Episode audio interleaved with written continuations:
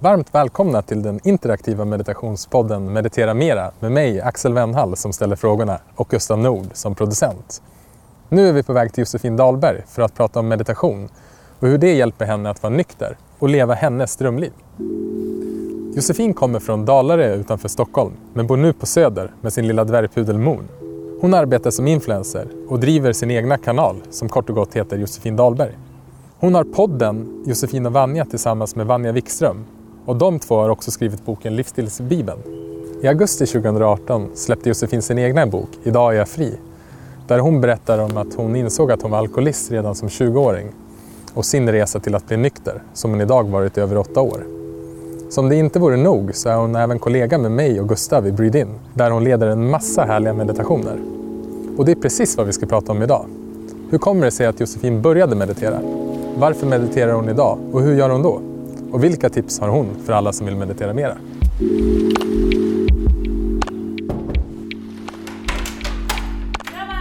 Hej! Tack. Vill du ha kaffe? Det är bra för mig tack. Te? Okej, I'm ready. Jag tänkte att eh, vi skulle börja med en kort landningsmeditation som eh, vi kan göra här men också som eh, lyssnarna kan göra vart de än är. Ja. Och, eh, vi sitter ju ner här vid ditt köksbord. Eh, men om man är på eh, språng så kan man göra den här ändå. Jag tänkte blunda, för jag har möjligheten. Jag sitter här på den här stolen, men det behöver man inte göra. Så jag tänkte bara att eh, vi kan väl föra uppmärksamheten till vårt andetag. Och känner man inte sitt andetag så eh, ta ett par djupa andetag in genom näsan och ut genom munnen. Och bara känn efter där ditt andetag känns som mest.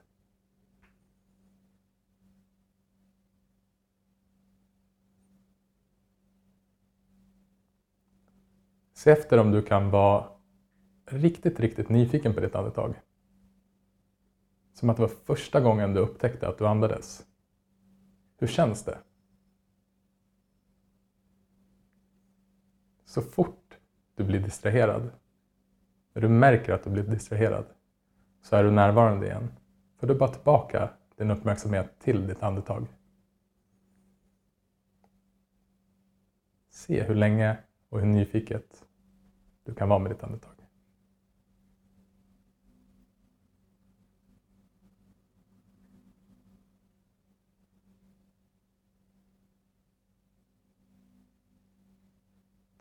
Så. Det var en kort... Jag vill mer. Jätteskönt. Ja. Hej! Tja. Tja! Så kul att vara här. Ja, så kul att vi, vi är här och den här podden, världens bästa podd. Mm. Jag har ju sett fram emot det här samtalet jättemycket. Mm, med. För vi jobbar ju tillsammans. Mm. Men vi har inte känt varandra så länge. Nej. Men det känns som att vi har känt varandra väldigt länge. Mm. Och ehm, jag är väldigt nyfiken på att få veta mera om hur meditation har hjälpt dig i din nykterhet, i ditt ganska hektiska liv. Och sen är jag ju framförallt nyfiken på, för du och jag, vi har ju lite olika typer av meditationer. Så jag vill lära mig mer om din värld och dina meditationer och hur du ser på meditation. Mm. Mm. Nice. Yes! Bra agenda. Mm. Men eh, hur ehm, kommer det sig att du började meditera? Jag började meditera. Jag testade meditera första gången för eh, 8-9 år sedan. Och det var i samband med att jag blev nykter. Men jag blev nykter efter att jag hade haft eh, alkoholproblem sedan jag var väldigt, väldigt ung. Och eh, innan eh, mina alkoholproblem och även under hela min tonår när mina alkoholproblem var så har jag liksom haft väldigt, väldigt svårt med att sitta still. Jag har alltid varit eh, eh, så här, eh, haft hundratusen saker på gång samtidigt, framförallt hundratusen tankar samtidigt känns som. Eh, och varit väldigt, väldigt liksom, eh, stökig och sådär. Så i samband med att jag blev nykter och eh, en mentor som jag började prata med som skulle hjälpa mig med nykterhet, hon hade själv varit nykter i många år och liksom skulle visa mig lite vägen, hur hon hade gjort och hur jag kunde göra. Så föreslog hon för mig att jag skulle meditera. Dels för så många år sedan så var det så här, jag hade knappt, alltså jag hade ingen aning om vad det innebar. Jag visste typ vad det var fast ändå inte. Det var inte någonting man pratade om speciellt mycket. Och jag hade ju bara en, en förutfattad mening att så här, jag kan inte meditera. jag är för rastlös för att meditera. Um, och provade det där liksom någon gång. Jag tror att första gången jag satt så kunde jag väl sitta ja, men några sekunder innan jag bara, äh, jag vill göra någonting annat. Eller det här var obekvämt. Kommer du ihåg din första gång? Och jag minns inte om det här var exakt första gången jag testade meditation. Men eh, jag vet liksom en gång som jag gjorde det eh, där och det var i början. Och jag satte mig och dels kände jag så här. eh, Ett, hur, gör man, hur vet man om man gör rätt? Alltså hur, hur vet jag om jag mediterar nu eller om jag bara sitter ner? Typ. eh, liksom, vad, vad är grejen? Eh, men framför allt så minns jag att jag bara direkt kände att det här var jätteobekvämt. Alltså min alkoholproblematik eh, hade jag ju just för att jag ville fly. Alltså jag hade ett väldigt dåligt mående och ingen självkänsla. Och eh, det värsta jag visste var ju att vara ensam med mina känslor. Så att, att bara sitta ner och vara med sig själv eh, har ju varit en jätteutmaning för mig och någonting jag fått jobba jättemycket med. Eh, så att i början, nej, det var inget för mig kände jag. När började det kännas bekvämt? Eller hur, hur såg din resa ut? När jag började känna att det här var någonting jag gillade, det var kanske fyra, fem, fyra år senare ungefär. Eh, så hade jag en annan eh, mentor som, eh, som hjälpte mig och hon började prata jättemycket om typ Eckart Tolle. Och så här, mm, du ska gå ut i naturen och titta på löven. Typ. Och jag bara, alltså what? vad, vad är det? Alltså jag var ju verkligen så här, city-tjej, ute-tjej. Liksom, sådär. Det här med att bara vara i naturen och vara i nuet var ju jättekonstigt tyckte jag. Eh, och, men hon skickade mig en kroppsscanning. Så den här kan du lyssna på. Den är 15 minuter. Du kan lyssna på den. Och eh, det var liksom min så här, krok på något sätt.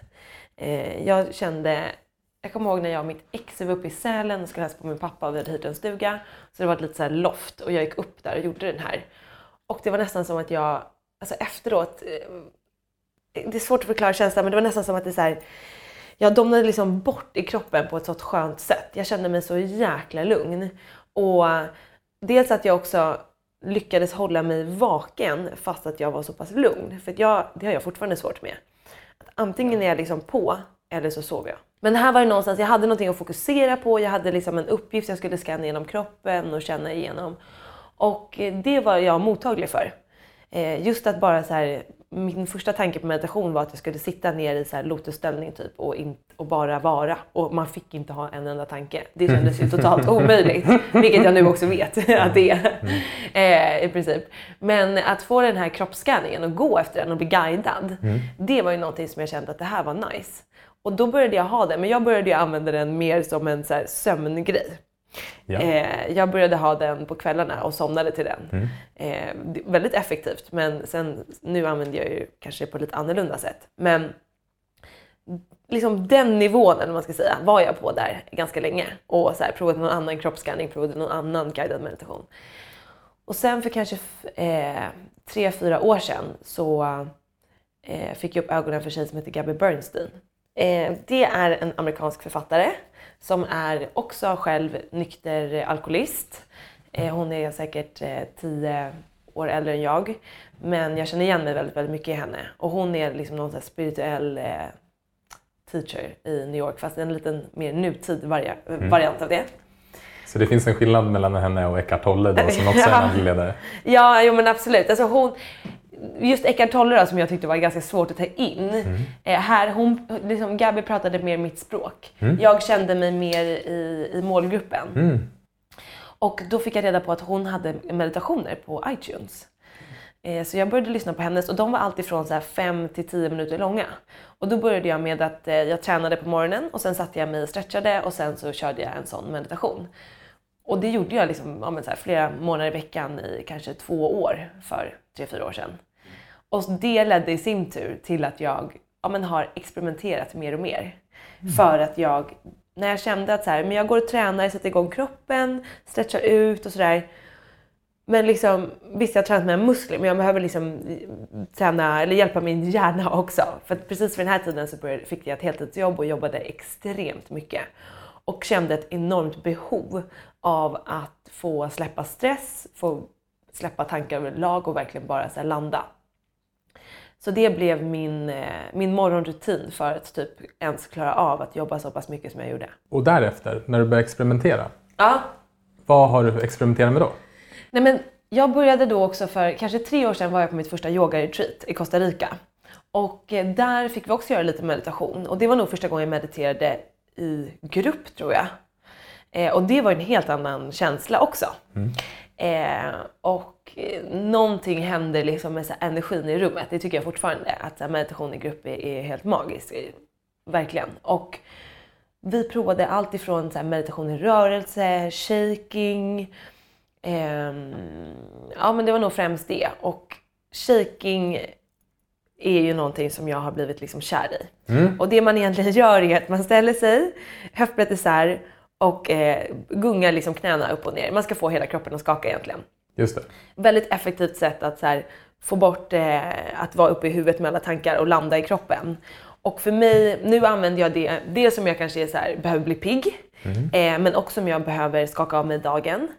Eh, om jag ska sätta mig i meditation men känner att så här, shit, jag har precis varit på stan, jag har gjort eh, massa jobb, jag har fotat, jag har gjort en intervju, jag har varit alltså, va- är väldigt mycket uppe i varv. Då kan jag liksom gå hem, shaka av mig det för att sen sätta mig. Eh, så att det blir som ett, så här, en förberedelse för att sätta mig i meditation. Just det. Och jag har ju då fått äran att shaka med dig, eller under ledning av dig. Kan jag få fråga tillbaka till dig nu? Hur var din första shakingupplevelse Axel? Eh, min första shakingupplevelse, jag förlorade faktiskt inte min shakingupplevelse oskuld med Just dig. det, så jag hade testat den innan. Ja. Eh, men den är ju, för er som inte har testat shaking så precis som Josefin beskrev så står man ju och, och liksom, ja, ska skaka så mycket som möjligt vilket kan ju te sig väldigt onaturligt när man aldrig har testat det. Och framförallt när man gör det i grupp med andra människor. Men eh, just det där att, att den gången, jag kommer inte ihåg när det var, eh, jag vet att det har skett flera gånger när du har lett dina meditationer, när man kan släppa tanken från hur det ska kännas till att bara, bara göra det. Eh, den känslan är väldigt frigörande. Man känner sig väldigt fri. Och ehm, precis som du beskriver så det här är ingen meditation jag brukar göra vanligen eller dagligen. Men, men känslan efteråt är, för mig är det ett sätt att komma till ett lugn, en stillhet väldigt effektivt, väldigt snabbt. Så jag, jag tycker det är en väldigt fin och väldigt effektiv ehm, ja, meditation helt enkelt. Mm, nice. Men den, det finns en barriär där som man behöver gå över från att man ska... Det är lätt att vara självmedveten när man gör Ja, men absolut. Eh, och det är nästan det jag tror jag älskar med den. Att så här, liksom, jag, jag kan ju verkligen känna så här, gud jag vill bara släppa, jag vill vara så ful som möjligt när jag gör den. Alltså för att jag bara känner att jag vill typ utmana att man, i alla fall jag då, tänker ofta på ja, men hur, hur, liksom, hur, hur rör jag mig, hur ser jag ut, jag som så här, fotas väldigt mycket, filmar och allt sånt där. Det är extremt skönt att få en liten stund där bara så här, man bara bryr sig inte ett jävla skit. Och så här, typ ju fulare och desto mer jag släpper efter, desto effektivare är det. Eh, så jag tycker nästan att den grejen gör att det blir liksom ännu härligare att shaka. Och, men det är ju precis som du säger, alltså jag tror också att det är ju som precis med allt, alltså träning ger liksom färdighet. att Första gången så kanske man känner lite såhär, oj här står jag och skakar och ser jätteknäpp ut. Andra gången kanske man vågar släppa lite till. Tredje, fjärde, femte. Till slut så kanske du faktiskt får hela kroppen att skaka och du inte ens längre tänker på hur ser jag ut. Men det här kan man ju göra hemma liksom själv. Eller jag kan gå in på så här, toan på jobbet och, och göra det. eh, men det är ingen Har du gjort det på riktigt? Ja, gud ja. Och fin när jag ville mörda mina chefer ungefär. Man bara, jag går och drar en shaking. Så här är ett bra tips för alla som har eh, trassligt på jobbet eller hemma. Ja, ja relation också. Ja, gå och skaka av er irritationen eller vad det nu är. Ja, det är supernice. Eh, nej men precis, och, så det liksom fick jag nys om på de här yogaretreatsen. Eh, och sen så har jag även då eh, fått testa mantra-meditation också på yogaretreat. Jag har ju varit ganska mycket på olika sådana yogaresor de senaste åren och fått liksom testa nya saker. Vissa saker fastnar jag inte alls för och vissa saker fastnar jag för. Eh, och liksom fördjupat mig i mer och mer. Och mantra-meditation är ju verkligen en sån grej. Och det skulle jag säga har lite samma effekt på mig som shaking. Alltså att det är väldigt effektivt för mig. Eh, det är eh, någonting att så här, i, som jag nämnde så har jag i min natur ganska svårt att bara så här, vara stilla och vara lugn. Och, det ligger inte i mina element helt enkelt. Nej. Men det betyder ju inte att jag aldrig kommer kunna meditera eller kan sitta. Det är bara att jag behöver göra det på mitt sätt. Och jag behöver, eller behöver, men Många gånger så behöver jag någonting att hålla i handen under tiden. Och då kan det vara till exempel ett shaking, det kan vara att eh, ha ett mantra. Det kan vara att hålla i en kristall och fokusera på kristallen, känna hur den känns i handen eller vad det nu kan vara. Mm. Nu ska jag stoppa dig en sekund. Okej. Eh, för nu är jag nyfiken då först och främst på när du pratar om mantrameditation. Ja. Vad betyder det och vad gör du då? Ja, eh, mantrameditation. Antingen så, så kan man ju eh, köra ett mantra liksom högt. Alltså är man en grupp och gör en mantrameditation ihop så är ju det Och då sjunger man ett, ett, Man sjunger ett mantra, eller precis. säger ett mantra. Ja, bra. Eh, det kan vara liksom ett kort mantra. Vi säger om shanti om som är ett väldigt enkelt mantra. Eh, Om shanti om. Ja, och, och det är ju, eh, alltså man upprepar, det kan vara längre mantran också. Eh, man upprepar det tillsammans, eh, gång på gång på gång. Eh, det som finns, som jag upp, använder mycket i min vardag är att det finns mycket så här mantran på Spotify. Så att man kan egentligen bara sätta på någonting där och sjunga med. Eh, så man har någonting att följa. Och det som händer när man, du har det här att fokusera på, eh, ett mantra, det blir också någonting att hålla i handen som vi var inne på. Och det är lite som på samma sätt om du fokuserar på din andning som vi gjorde i andningsmeditationen. Du fokuserar på andningsta- äh, andetaget. När du känner att du svävar bort, ja, du kommer på att du är borta, tillbaka fokus till andningen. Precis samma sak här. Du fokuserar på ditt mantra. Eh, När du, det är ganska svårt också att sjunga ett mantra om du tänker på så här, vad ska jag laga till middag? Vad kommer min partner säga då? Vad kommer min chef göra? Liksom. För de här tankarna, de slutar ju inte bara för att man sjunger ett mantra då. Nej, Utan hur, och då, hur fungerar det då? Så det bygger då på att vända tillbaka uppmärksamheten hela Precis på tiden. samma sätt som man gör till andetaget, att man vänder tillbaka uppmärksamheten till mantrat. Men för mig så är det mycket lättare att sväva iväg om jag bara andas än om jag sjunger ett mantra. Just Och det där är säkert superindividuellt. Men jag tror att det är därför jag har fastnat för mantra. Att det är svårt att ha 10 000 tankar när jag ändå ska sjunga någonting. Så, Förstår du? så både shaking och mantra egentligen fyller samma funktion. Att egentligen gå från huvudet, gå från strömmen av tankar till att känna kroppen eller, eller att fokusera på en punkt eller då Ja. ett mantra. Precis. Så det låter som att det är en, en väldigt liksom, tydlig och stark koncentrationsövning som man kan Ja, göra. verkligen. Och man kan ju också ha, välja att ha ett mantra tyst för sig själv.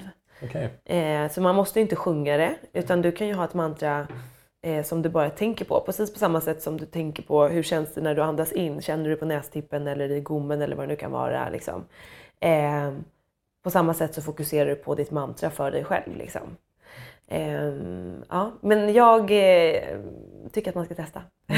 Du nämnde om shanti om här, men har Ja. du några, eller rättare sagt, vilka är dina favoritmantran? Ehm, ja, men, eh, den gillar jag. Sen gillar jag ett som är eh, lite längre som är um, Ekonkar Satgur Prastad Okej, som vi gjorde i Alperna ju. ja. Och den är... Jag tror att jag gillar den så pass mycket, eller varför jag gillar den så mycket är för att den är lite längre. Den är lite, man behöver fokusera ännu mer för att de sjunger mantrat på lite olika sätt. Och det gör att min uppmärksamhet är ännu mer med mantrat. Eh, så att jag behöver verkligen vara närvarande för att följa med i de liksom, svängarna. Eh, ja, nej men eh, det är nog de som är mina favoriter. Mm.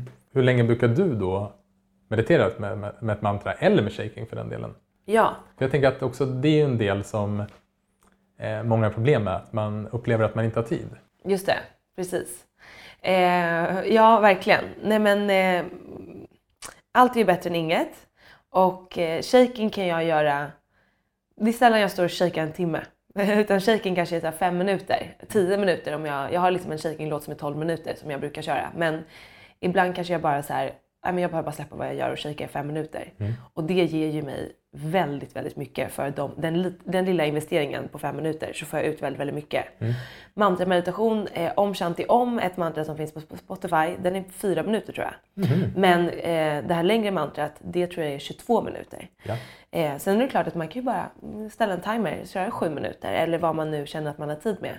Men för mig har jag ju liksom så här, visst jag, har, jag gör mycket grejer, alltså det finns alltid tid att meditera. Det är verkligen bara min egen prioritering. Vissa dagar längtar jag efter att få sätta mig och vissa dagar så bara känner jag jag skjuter på det, skjuter på det, skjuter på det, skiter i det ibland.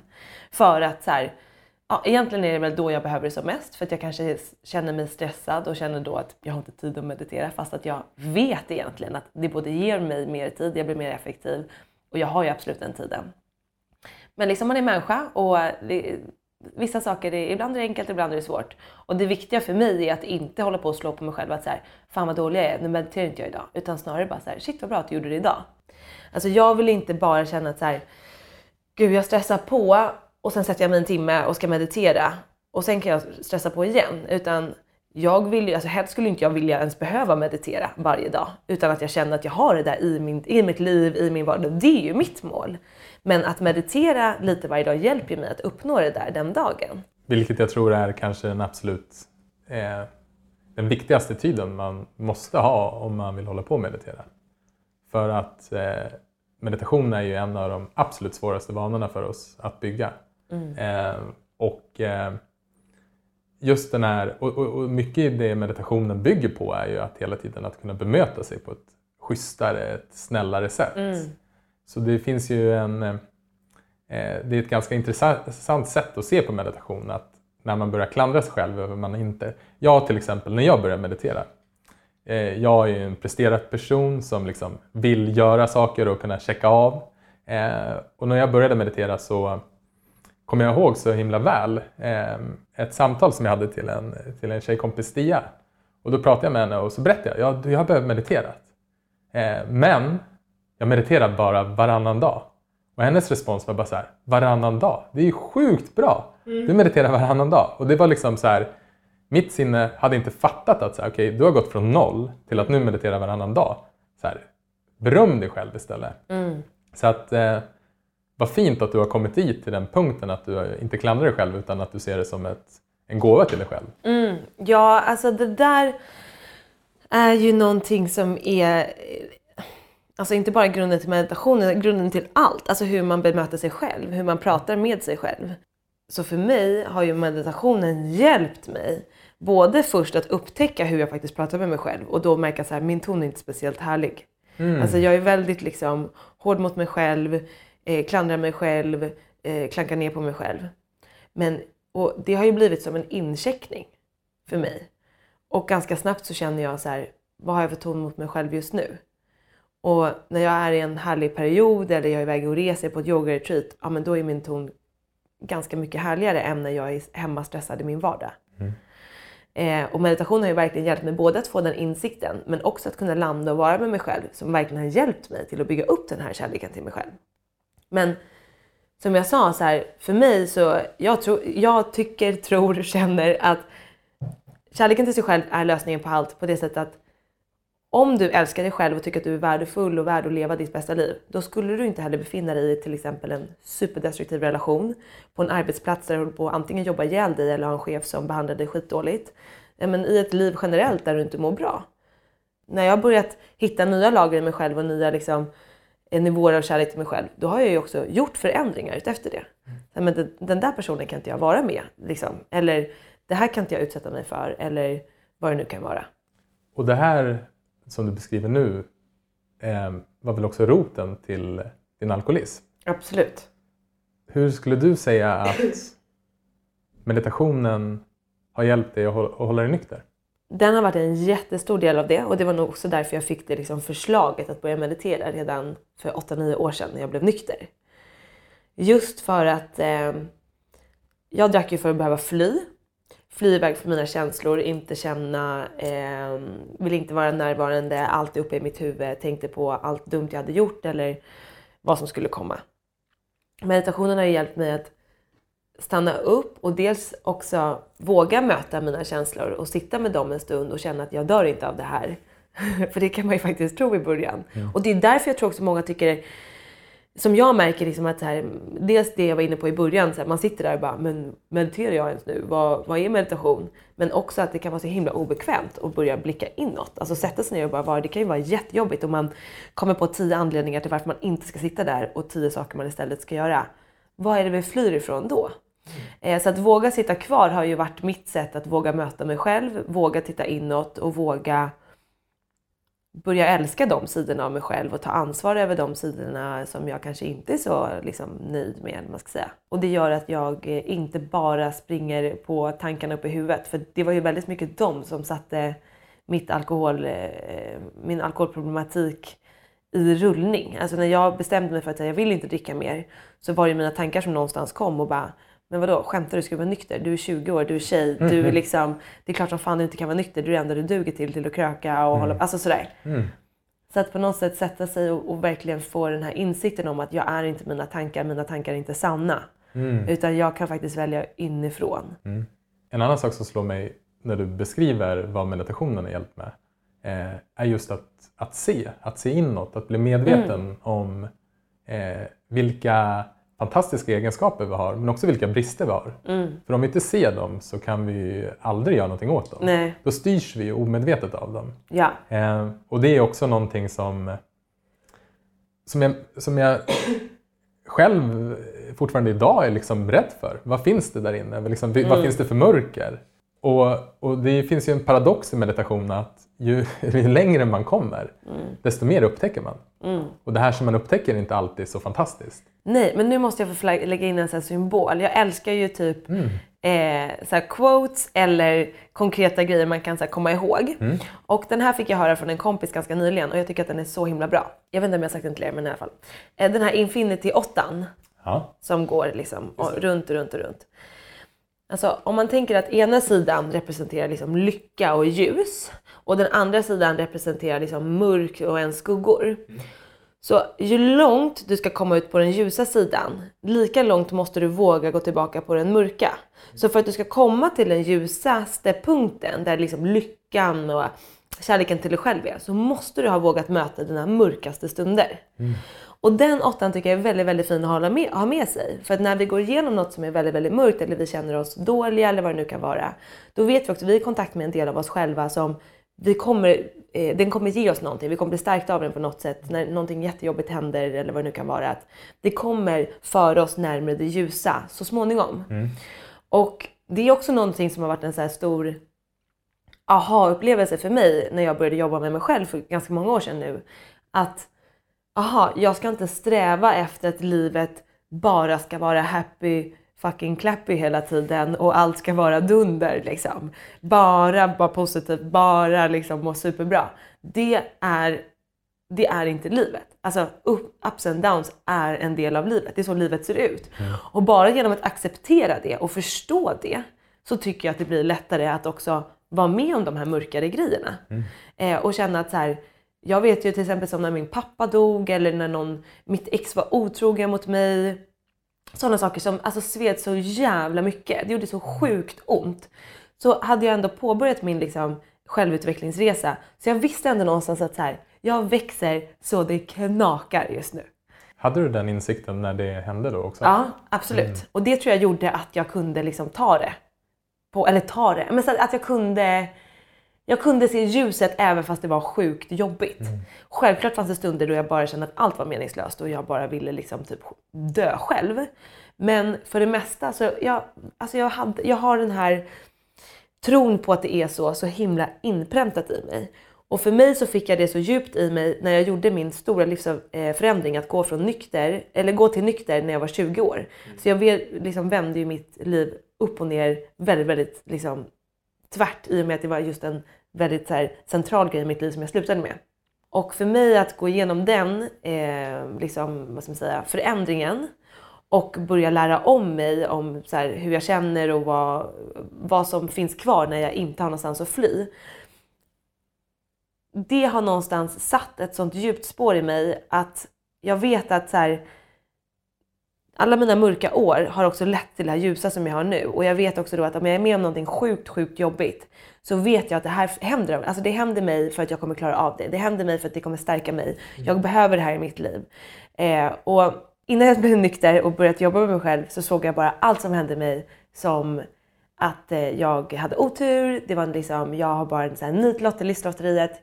Det är typiskt, allt händer mig. Så var liksom min, min syn. Jag, livet drabbar mig. jag är ett offer. Jag var i min offerposition i väldigt, väldigt många år. Och när jag kom ut på andra sidan och liksom började se ljuset, då kände jag att så här, livet händer inte bara mig. Jag har ett finger med i spelet. Och visst, livet kan fortfarande hända. Någon är otrogen, någon dör, vad det nu kan vara. Men det är en del av livet. Livet kommer hända. Ja, och Allt. om man försöker att bara leva det positiva, då tycker jag att då undviker man ju livet. Dels vågar man inte utveckla sig till exempel. Man kanske inte vågar testa nya saker för man är så rädd att det inte ska funka. Eller man vågar inte gå in i en ny relation för att eh, det, man vet inte vad, eh, man är kanske rädd att den ska göra slut. Alltså vad det nu kan vara.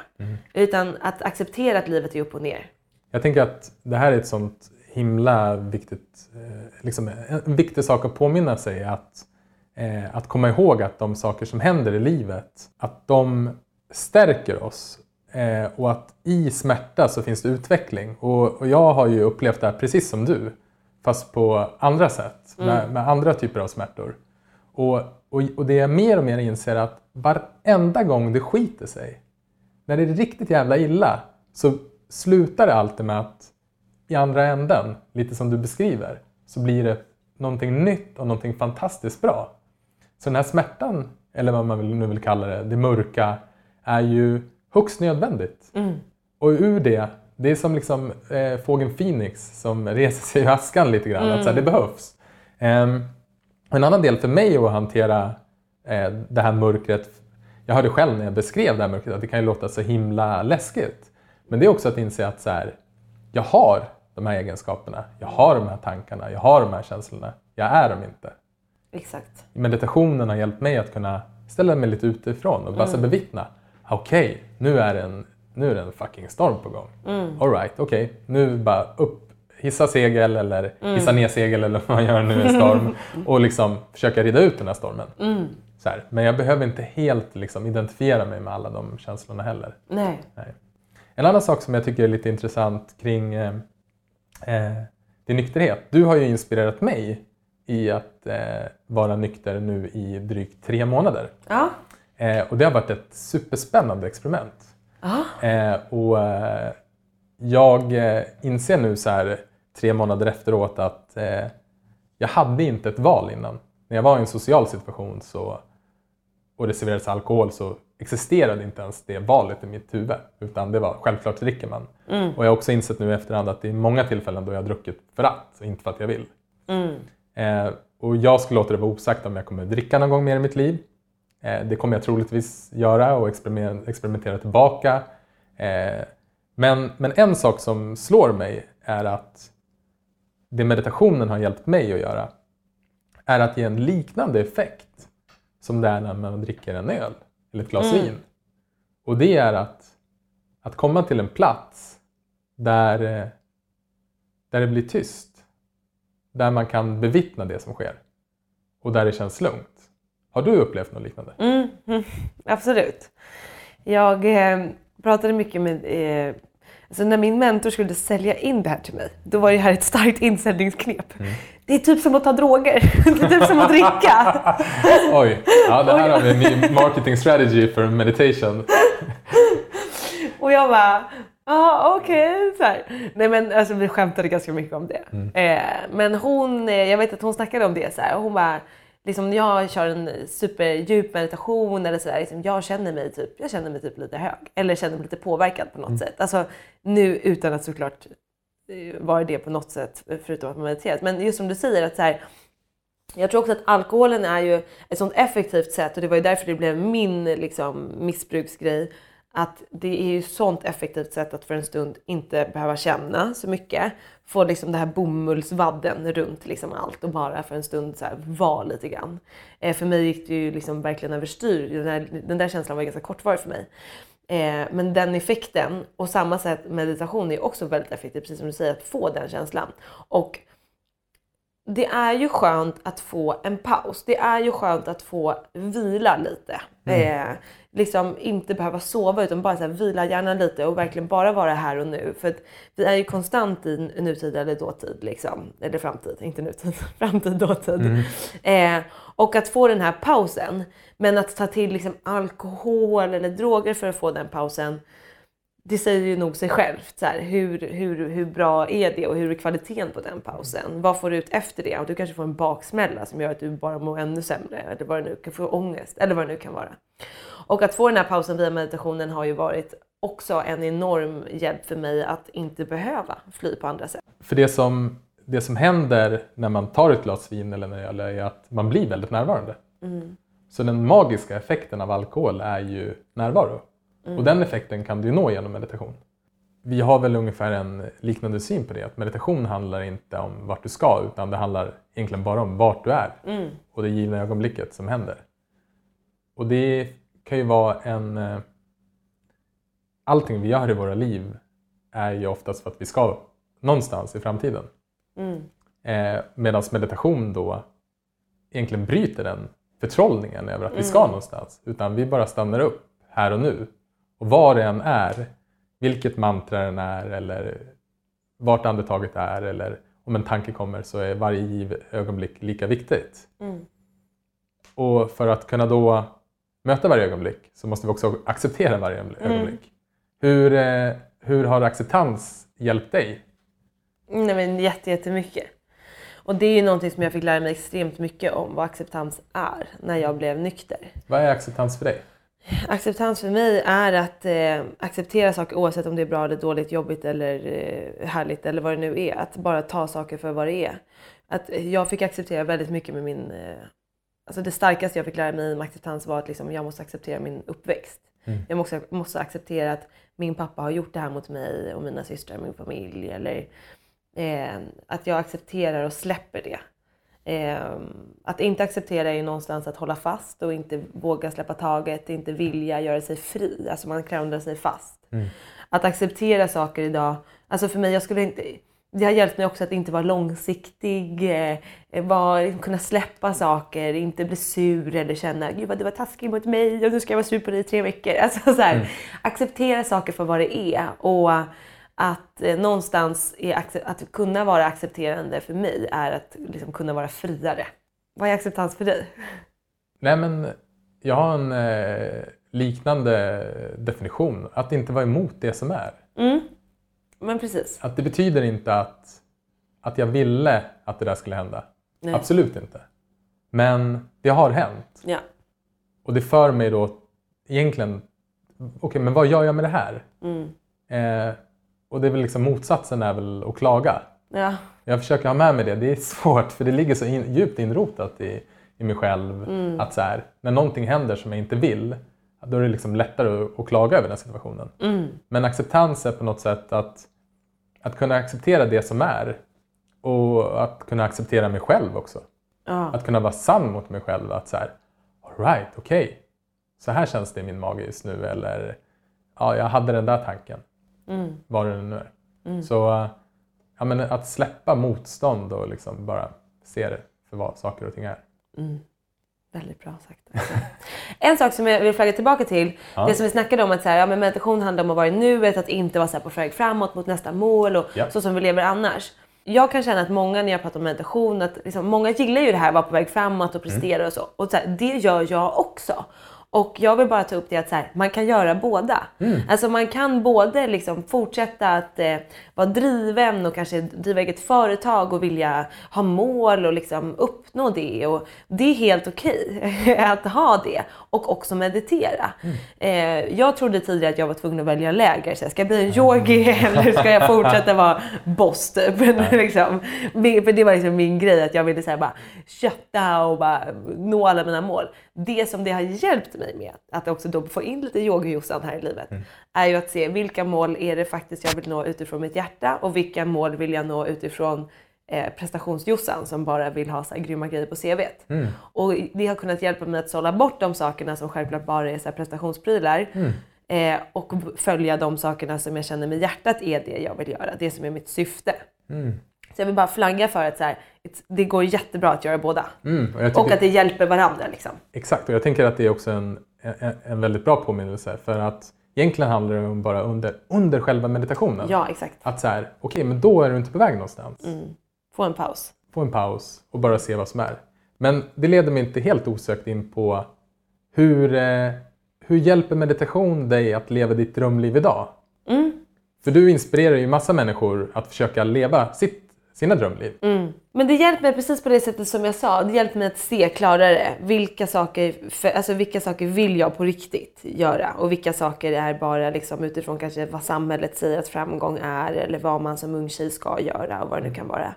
Och det hjälper mig också att våga ta de besluten. För det kan ju vara en sak att säga, ja, jag vet att jag egentligen vill göra det där men det vore typ bättre att göra det där. Och så kanske man gör den där grejen som är bättre ändå. Men meditationen hjälper mig att grunda mig, ha mer kontakt med mig själv, känna mig guidad inifrån och våga ta de besluten. Och hade jag inte suttit med och mediterat så är det mycket lättare för mig att springa på liksom tankarna och prestationen än att gå på känslan. Liksom. Vad har du för råd till de som antingen vill börja meditera eller som kanske vill meditera mera? Jag har känt mig i vissa rum liksom under min, min resa, vissa kanske yogarum eller eh, om jag har varit på någon meditation, vad det nu kan vara. Att jag ibland, eh, men så här, oh, gud, jag, jag kan inte alla termer, jag vet inte vad alla saker betyder. Eller ah, den rätta meditationen är ju bara att sitta upp och ner och andas. Alltså så här, att jag har känt mig så dålig liksom, på, under tidens gång. Medan jag nu senaste åren bara landat i att så här, det finns inga rätt och fel. Utan så här, meditation ska man uppleva. Det är ingenting som, det spelar ingen roll hur mycket du kan om det och hur duktig du är på att berätta vad som är vad och studier hit och dit. Alltså så här, ja, jättekul för dig, men så här, vad ger det dig liksom, egentligen? Att så här, släppa prestationen i meditationen och bara uppleva den och testa dig fram. Och är det något som, vissa saker som jag har gjort som jag så här, för fem år sedan skulle tycka var asflummigt och askonstigt, som jag nu bara älskar. Så här, var öppen. Var öppen för att låta saker fastna eh, oavsett om du tycker att de är konstiga eller inte. Eh, så våga, våga eh, testa sig fram och experimentera. Så känn efter mer än tänk efter. Ja, absolut. Bra. Du nämnde ju det där med att, att du har känt att prestation har kommit in. Finns det några andra sådana här eh, liksom, bumps on the road eller vad man säger, liksom, misstag som du kanske har gjort? Eller någonting där du liksom, ah, tänk om någon hade berättat det här för mig. Jag kan ha spenderat väldigt många meditationsminuter med att känna så här, gör jag rätt? Är jag där? Mediterar jag nu? Alltså så. Och, och, eh, och, och framför allt så här, fan nu kom det en tanke. Så här, nej, vadå? Det är ju det som är hela grejen. Det är ju då du hajar att du har så här svävat iväg. Eh, att någon hade förklarat det tydligt för mig, eh, som vi har snackat om i den här podden. Att så här, liksom, tankar kommer när du sätter dig ner. Och det, hela övningen är att inte hela tiden gå igång på dem utan att komma, liksom, fatta att här, nu kommer en tanke till mig, jag låter den segla vidare tillbaka till andningen. Ja, nu kommer en ny tanke, okej, jag ser den, jag väljer att släppa den tillbaka till andningen. Misstag annars, så här, nej, för att allt, man lär sig av allt liksom. Fint. Jag tänker också det med tankar. Det finns två grejer med tankar som jag tycker är så himla... Eller tre, eller det finns tiotusen saker med tankar, men som är inne på samma tema som du pratar om. Och det ena är att tankar är inte fakta. Den andra är att vi är inte våra tankar utan vi har våra tankar. Jag tror vi producerar upp till 50 till 70 000 tankar per Ja, dygn. exakt. Och vi vet ju inte vad vi ska tänka innan vi har tänkt det. Nej. Eh, och den tredje eh, grejen är ett, ett råd som en, eh, en meditationslärare i USA som heter Joseph Goldstein har gett. Och det är typ att man kan fråga sig själv, är den här tanken värdefull? Så man kan bara liksom, hmm, behöver jag den här tanken just nu? Eller är den här tanken värdefull? Och är den inte det, då har vi faktiskt ett val att vi kan säga, nej, jag låter den här tanken vara.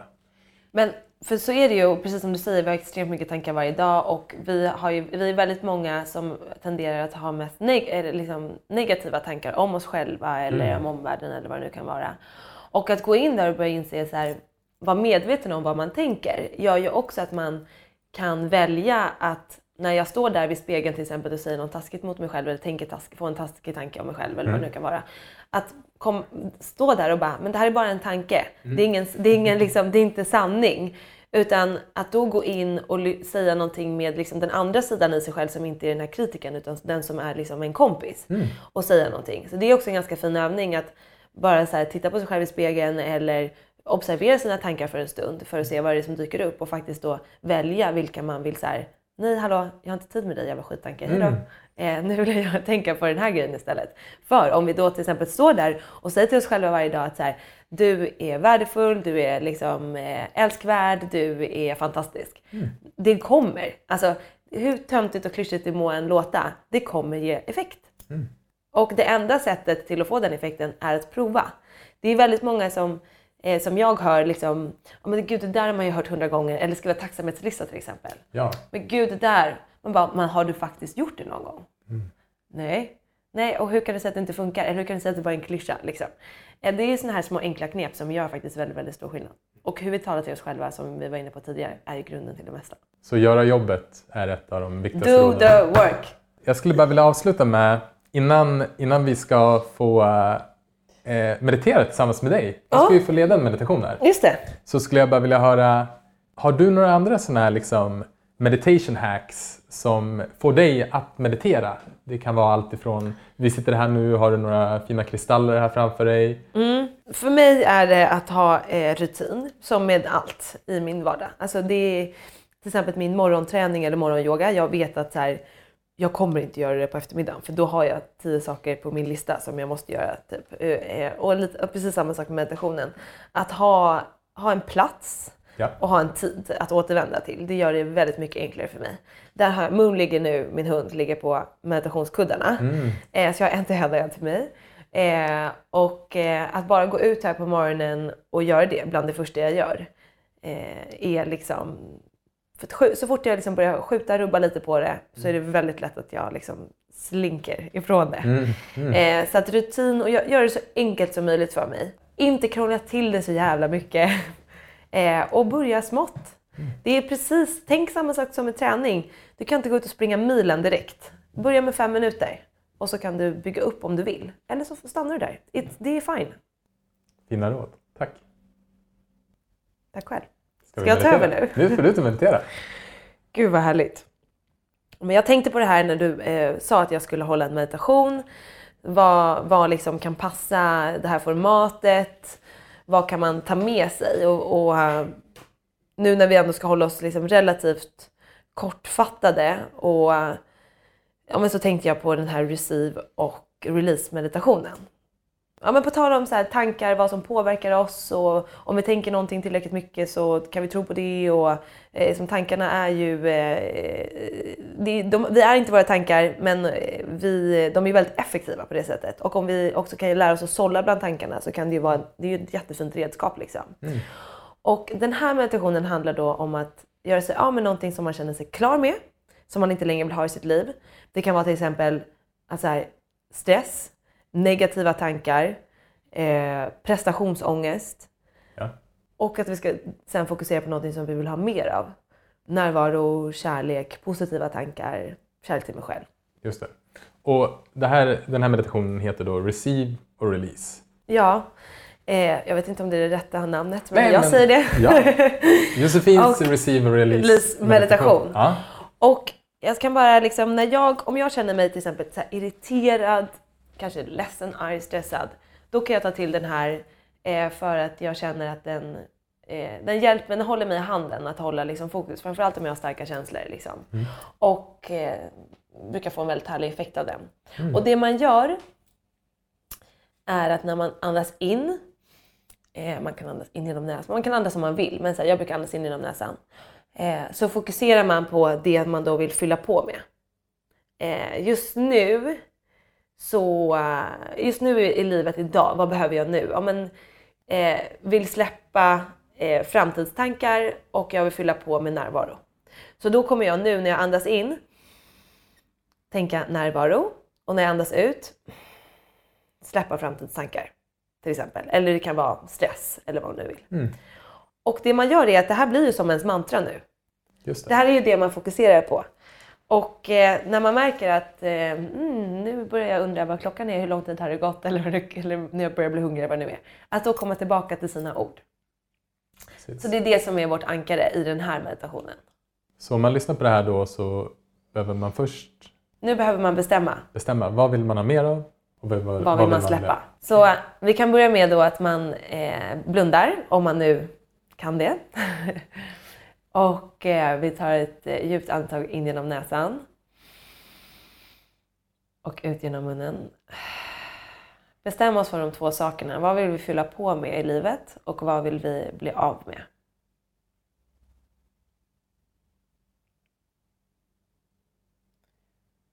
Ta också de grejerna som kommer liksom direkt. Det är, det är ingen smarthetstävling här, några bra ord eller sådär, utan det man känner spontant. Och så kan vi börja med att när vi andas in, andas in genom näsan. Tänk på ordet som du vill fylla på med. Och andas ut och släpp.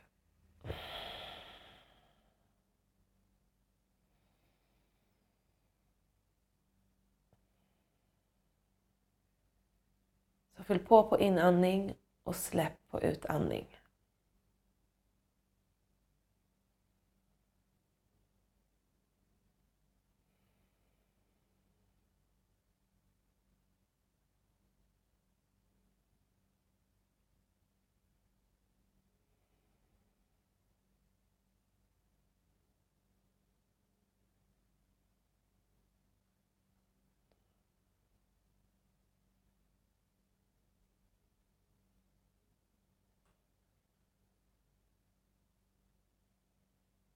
När man kommer på att man har vandrat iväg, kom tillbaka till att fylla på på inandning och släpp på utandning.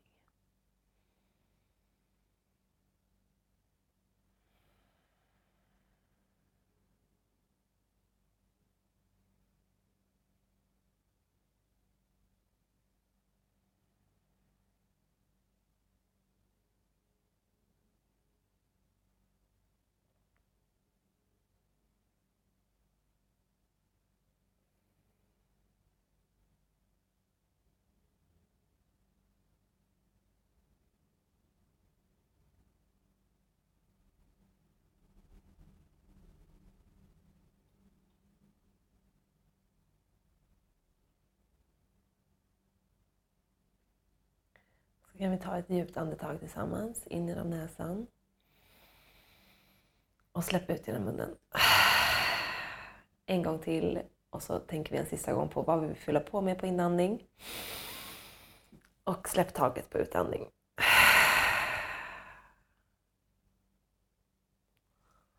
Tack. Oj, det blev en annan färg här inne. Mm. Vad skönt. Innan vi eh, ska lämna dig och Moon så um, skulle jag först bara vilja fråga om eh, folk är nyfikna på, på dig och vill veta mer om ditt spirituella liv och, och kanske har frågor om meditation eller vad det är. Hur, Mm. hur når man dig bäst? Mig når man bäst på eh, min Instagram, josefindalberg.se. Där kan man också skicka meddelande till mig eh, om man vill liksom, ställa en fråga. Eller så kan man gå in på min blogg på josefindalberg.se och skriva en kommentar. Och sen tänkte vi fråga dig, eh, vad skulle du vilja veta om meditation? Eh, eller finns det någon person du skulle vilja höra mer om som berättar om meditation i eh, meditationspodden Meditera Mera? Mm, spännande!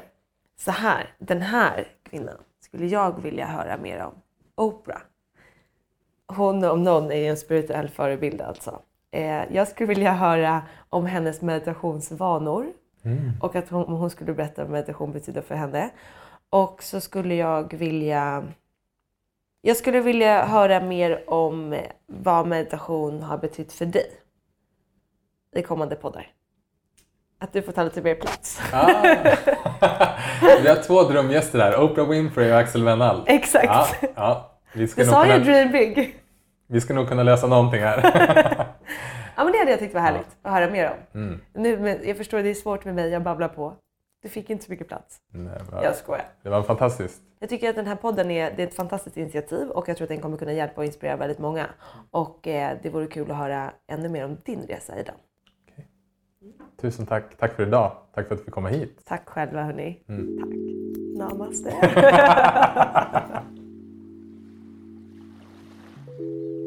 Vad kul att du har lyssnat på det här avsnittet av Meditera Mera med Josefin Dahlberg. Vi hoppas att du har blivit inspirerad av vårt samtal och av Josefins meditation. Vi som gör den här podden är jag själv, Axel Wennhall, som arbetar som meditationscoach och Gustav Nord, som driver produktionsbolaget FlipFlop Interactive. Tillsammans med Josefin driver vi Breed In, ett resebolag där vi arrangerar kombinerade meditations och äventyrsresor.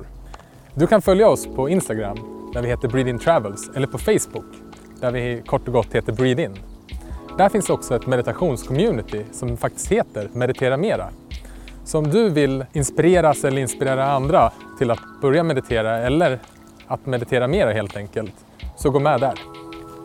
Och eh, är det någonting som jag har tagit med mig från dagens avsnitt så är det påminnelsen att vi är inte våra tankar.